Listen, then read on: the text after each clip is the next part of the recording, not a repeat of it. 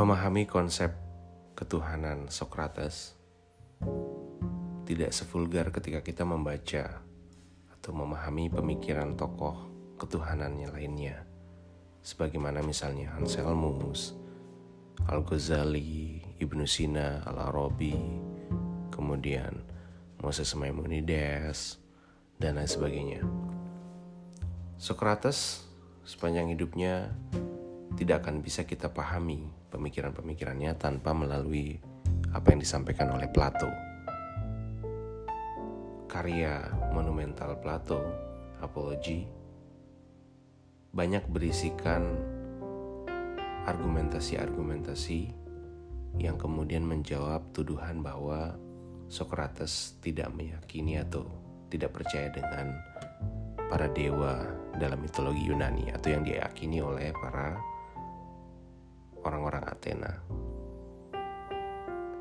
Salah seorang prosekutor atau penuntut yang kemudian berujung pada keputusan untuk menghukum mati Socrates ia adalah Miletus ya bukan Miletus tapi Miletus di mana dia sangat berambisi untuk membuktikan bahwa Socrates adalah seorang ateis. Socrates tidak pernah mengatakan bahwa praktik dia Meitechne di mana dia keliling di pojok-pojok kota Athena bertanya kepada anak muda di zaman itu yang terlalu mabuk dengan ketenaran, yang terlalu terjerembab dalam euforia dan gemerlap sofisme. Ia tidak pernah mengatakan itu sebagai suatu praktik kultus atau cult practice. Karena apa? Dia fokus pada bagaimana kita bisa merasionalkan keyakinan di mana rasionalisasi atas keyakinan itu bisa dengan menyadari atau mengetahui titik lemah diri, ketidaktahuan diri, sehingga kita bisa sampai pada puncak filsafat Sokratek, yaitu kita paham bahwa kita tidak tahu apa-apa. Yang juga bisa kita sebut sebagai soprosun atau keugaharian. Yang menjadi pertanyaannya, apakah kemudian Sokrates tidak meyakini sama sekali para dewa-dewa yang disembah oleh orang-orang Athena, sebelumnya kita perlu juga melihat apa sih yang disebut sebagai keyakinan orang-orang Athena pada saat itu, atau kita sebut sebagai civic gods of Athens. Setidaknya ada empat elemen yang harus dimiliki oleh seseorang yang menganut Athenian Polis Religion. Yang pertama, bahwa sebutan-sebutan para dewa itu sebetulnya atau secara sungguh-sungguh merepresentasikan dewa sebagai personal. Di mana ada parsialitas antar dewa. Jadi tidak ada dewa yang kemudian mengurusi semua hal yang bersifat universal, melainkan dewa-dewa yang dalam mitologi Yunani ada berdasarkan tugas mereka masing-masing dalam domain-domain tertentu. Misalnya, salah satu contoh yang paling akrab di telinga kita karena banyak film-film Hollywood yang mengisahkannya, kisah Poseidon, si dewa penguasa samudra, kemudian ada Zeus, dewa petir, dan lain sebagainya, ataupun Ares misalnya, dewa perang, sehingga ketika orang ingin berdoa atau ingin uh, menyembah sosok dewa itu sesuai dengan kebutuhan mereka masing-masing. Ya pelaut bisa biasa uh, worship to Poseidon atau misalnya ketika ada orang yang berperang maka mereka akan berdoa kepada Ares. Nah itu menjadi hal yang unik dari mitologi Yunani. Kemudian yang kedua bahwa dalam Athenian Polis Religion Tuhan tidak sama seperti orang-orang deisme. Tuhan menciptakan dunia dan ikut campur, sehingga tidak ada satupun kejadian yang luput dari pengamatan atau dari pengawasan Tuhan. Kemudian yang ketiga, ada hubungan timbal, timbal balik antar manusia dengan Tuhan. Artinya manusia kemudian tidak hanya berkomunikasi satu arah dengan Tuhan, melainkan Tuhan juga bisa mewartakan dirinya ke dalam konteks yang lebih manusiawi. Sehingga kalau kita lihat dalam mitologi Yunani, eh, eh, dewa-dewa itu biasa sangat-sangat erat kaitannya dengan manusia. Berwujud manusia namun dengan kekuatan super power yang tentu saja tidak dimiliki oleh manusia. Kemudian yang keempat, Tuhan menciptakan suatu tanggung jawab bagi manusia di mana seolah-olah ketika orang beribadah ke kuilnya, misalnya ke kuil di Zeus, maka ada suatu hubungan timbal balik. Ketika orang sudah tidak pernah lagi beribadah ke kuil salah seorang dewa itu, maka dewa itu bisa menjadi lemah, semakin lemah, seperti itu. Kemudian Bagaimana respon Socrates terhadap keyakinan Athenian Polis Religion? Yang pertama, Socrates yakin ya bahwa Tuhan itu ada, ya. Apa yang diimani oleh orang-orang Athena pada saat itu memang benar-benar eksis di luar realitas natural kita, ya. Eh, atau kita sebut ada realitas supranatural, tidak hanya realitas natural.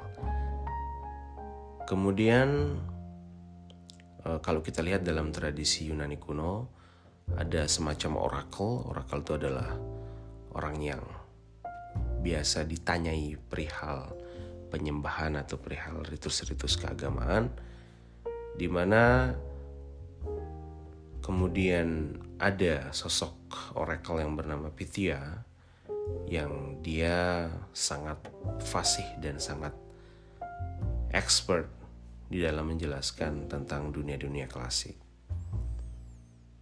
Kemudian apa yang diyakini oleh Socrates? Yang kedua yaitu Socrates sangat care atau sangat peduli dengan keyakinan masyarakat Athena bahwa Tuhan mencampuri urusan manusia yang kemudian menjadi PR terbesar di sini sejauh mana intervensi Tuhan dan sejauh mana free will kita. Sehingga ada semacam kesulitan yang menjadi komentar khas dari Socrates. Jangan sampai orang yang pergi ke kuil, pergi ke tempat ibadah itu hanya sebatas hubungan transaksional. Nah, hubungan transaksional inilah kemudian yang menjadi level terendah dari orang yang menghamba kepada Tuhan atau kepada dewa. Sehingga kita bisa melampaui itu dengan spiritualitas misalnya kalau kita kaitkan dengan konteks kekinian. Lantas bagaimana Socrates mengkonsepsikan Tuhan? Yang pertama ini banyak sekali digunakan atau di, kita dengar ya. Ini sudah sangat lumrah ya quote ini the only live sorry the only life worth living is a good life jadi ketika kita tidak bisa mengecek atau memeriksa hidup yang sedang kita jalani maka sudah barang tentu itu bukan hidup yang layak untuk dijalani karena hidup yang layak dijalani itu adalah hidup yang bisa kita pahami bisa kita ekspektasikan bisa kita kemudian pahami kemungkinan-kemungkinannya.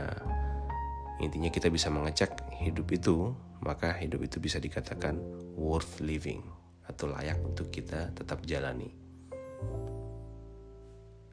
Kemudian kita hanya bisa hidup ya jika kita tahu bahwa hidup yang baik itu seperti ini, hidup yang tidak baik itu seperti itu.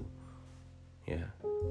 Dan ini tentu saja mengimplikasikan suatu pengetahuan atau pemahaman tentang what is good and what is evil. Ya. Apa itu baik, apa itu buruk, keburukan atau kejahatan. Tapi yang menarik di sini, good dan evil itu tidak bersifat relatif. Melainkan mereka bersifat absolut yang hanya bisa kita pahami ya kita tidak bisa kemudian memahami good and evil tanpa melalui observasi. Kita bisa tahu itu baik A adalah baik dan B adalah buruk. Bila mana atau jika dan hanya jika kita memprosesnya melalui questioning and reasoning. Melalui pengecekan ya. Dengan mempertanyakan secara kritis dan kemudian mengargumentasikan secara rasional atau melalui good reasoning.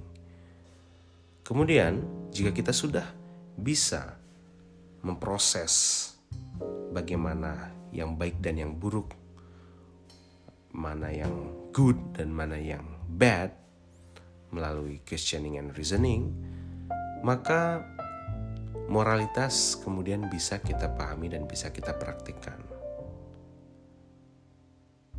Nah, lantas pertanyaannya, bisa nggak kita bisa paham bahwa dalam kondisi tertentu kita sama sekali tidak paham apa-apa?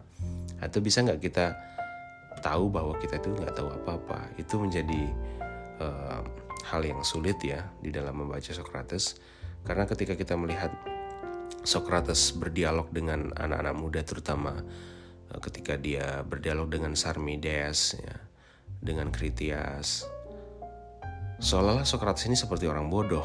Dia bertanya terus gitu ya.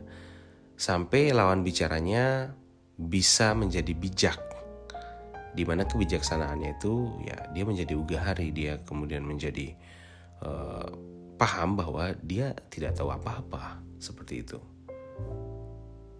Nah, ini menjadi hal penting dalam uh, prinsip-prinsip Socrates di mana dalam hal ketuhanan pun itu bukan hal yang tidak tersentuh pertanyaan-pertanyaan dan reasoning. Sehingga ya kita tidak bisa kemudian beriman secara dogmatis ya.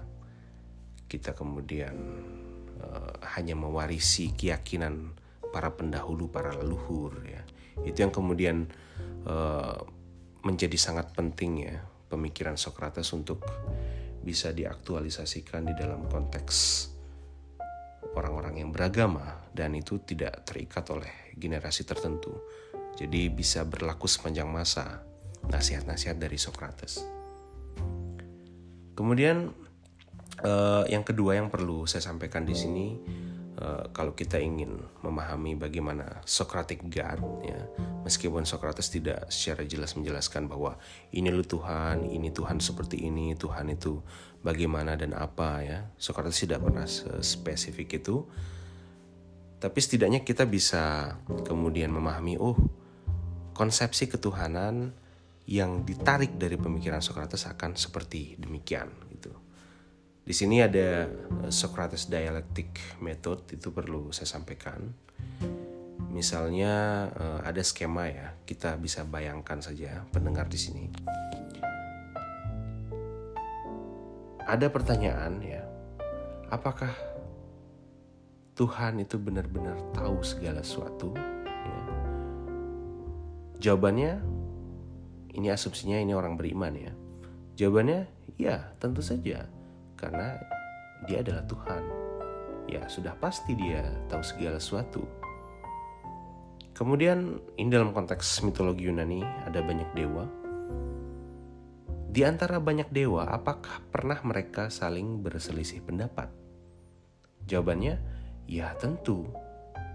Mereka tidak jarang berantem ya dalam mitologi Yunani misalnya Ares berantem dengan Zeus, Zeus dengan Poseidon dan lain sebagainya atau mungkin Hades dengan dewa-dewa lainnya?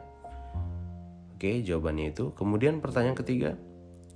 Oke, jika memang Tuhan sering berantem atau dewa ya, dewa dalam konteks uh, mitologi Yunani, jika memang uh, para dewa saling tidak sepakat dengan suatu perkara sehingga mereka berantem, ya, apakah kemudian itu menunjukkan situasi bahwa dewa-dewa dalam mitologi Yunani atau yang diimani oleh orang-orang Athena itu selisih pendapat tentang uh, yang baik dan yang buruk.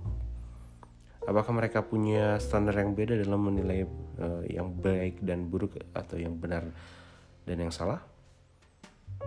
Jawabannya tentu saja mereka bisa seperti itu, bisa berselisih pendapat. Oke, dilanjutkan lagi pertanyaan berikutnya. Apakah kemudian Tuhan atau dewa berkemungkinan untuk salah? Oke, Jawabannya ya, mereka berkemungkinan untuk salah. Kemudian kesimpulannya, maka dari itu Tuhan atau dewa tidak bisa tahu segala sesuatunya. Nah, ini mungkin yang menjadi alasan uh, Meletus ya sebagai prosekutor Socrates sehingga dia dihukum mati menenggak racun ya, bahwa uh, dianggap berbahaya Socrates. Karena dia keliling-keliling ya berdialog dengan anak muda sehingga ya mungkin saja who knows kita nggak tahu. Mungkin dulu ada anak muda yang kemudian menjadi ateis menentang keyakinan dari orang tua dan kemudian uh, menimbulkan kecemasan dari orang tua atau masyarakat sekitar ya. Sehingga dicarilah siapa sih yang ngajarin anak muda ini? Ternyata ketemulah yang ngajarinnya itu adalah Socrates. Kemudian dia dihukum mati. Seperti itu. Jadi uh, Socrates sebetulnya yang bisa kita tarik hikmah ya, ya dari uh, Socratic God. Meskipun konsep Socrates tentang Tuhan itu masih sangat kabur ya. Tetapi kita bisa melihat sisi kebijaksanaan ya yang bisa kita tarik penerapannya ke dalam konteks kehidupan beragama di mana iman itu selalu berproses dalam lingkaran hermeneutik seperti yang sudah um, saya sampaikan pada episode sebelumnya ya iman sebagai lingkaran hermeneutik. Ya sehingga puncak dari filsafat uh, filsafat Socrates itu adalah uh, bahwa kita bisa uh, tahu bahwa kita sama sekali tidak tahu apa-apa itu puncak dari uh, filsafatnya Socrates dan itu bisa kita jadikan sebagai bahan refleksi untuk uh, kehidupan sosial keberagaman kita.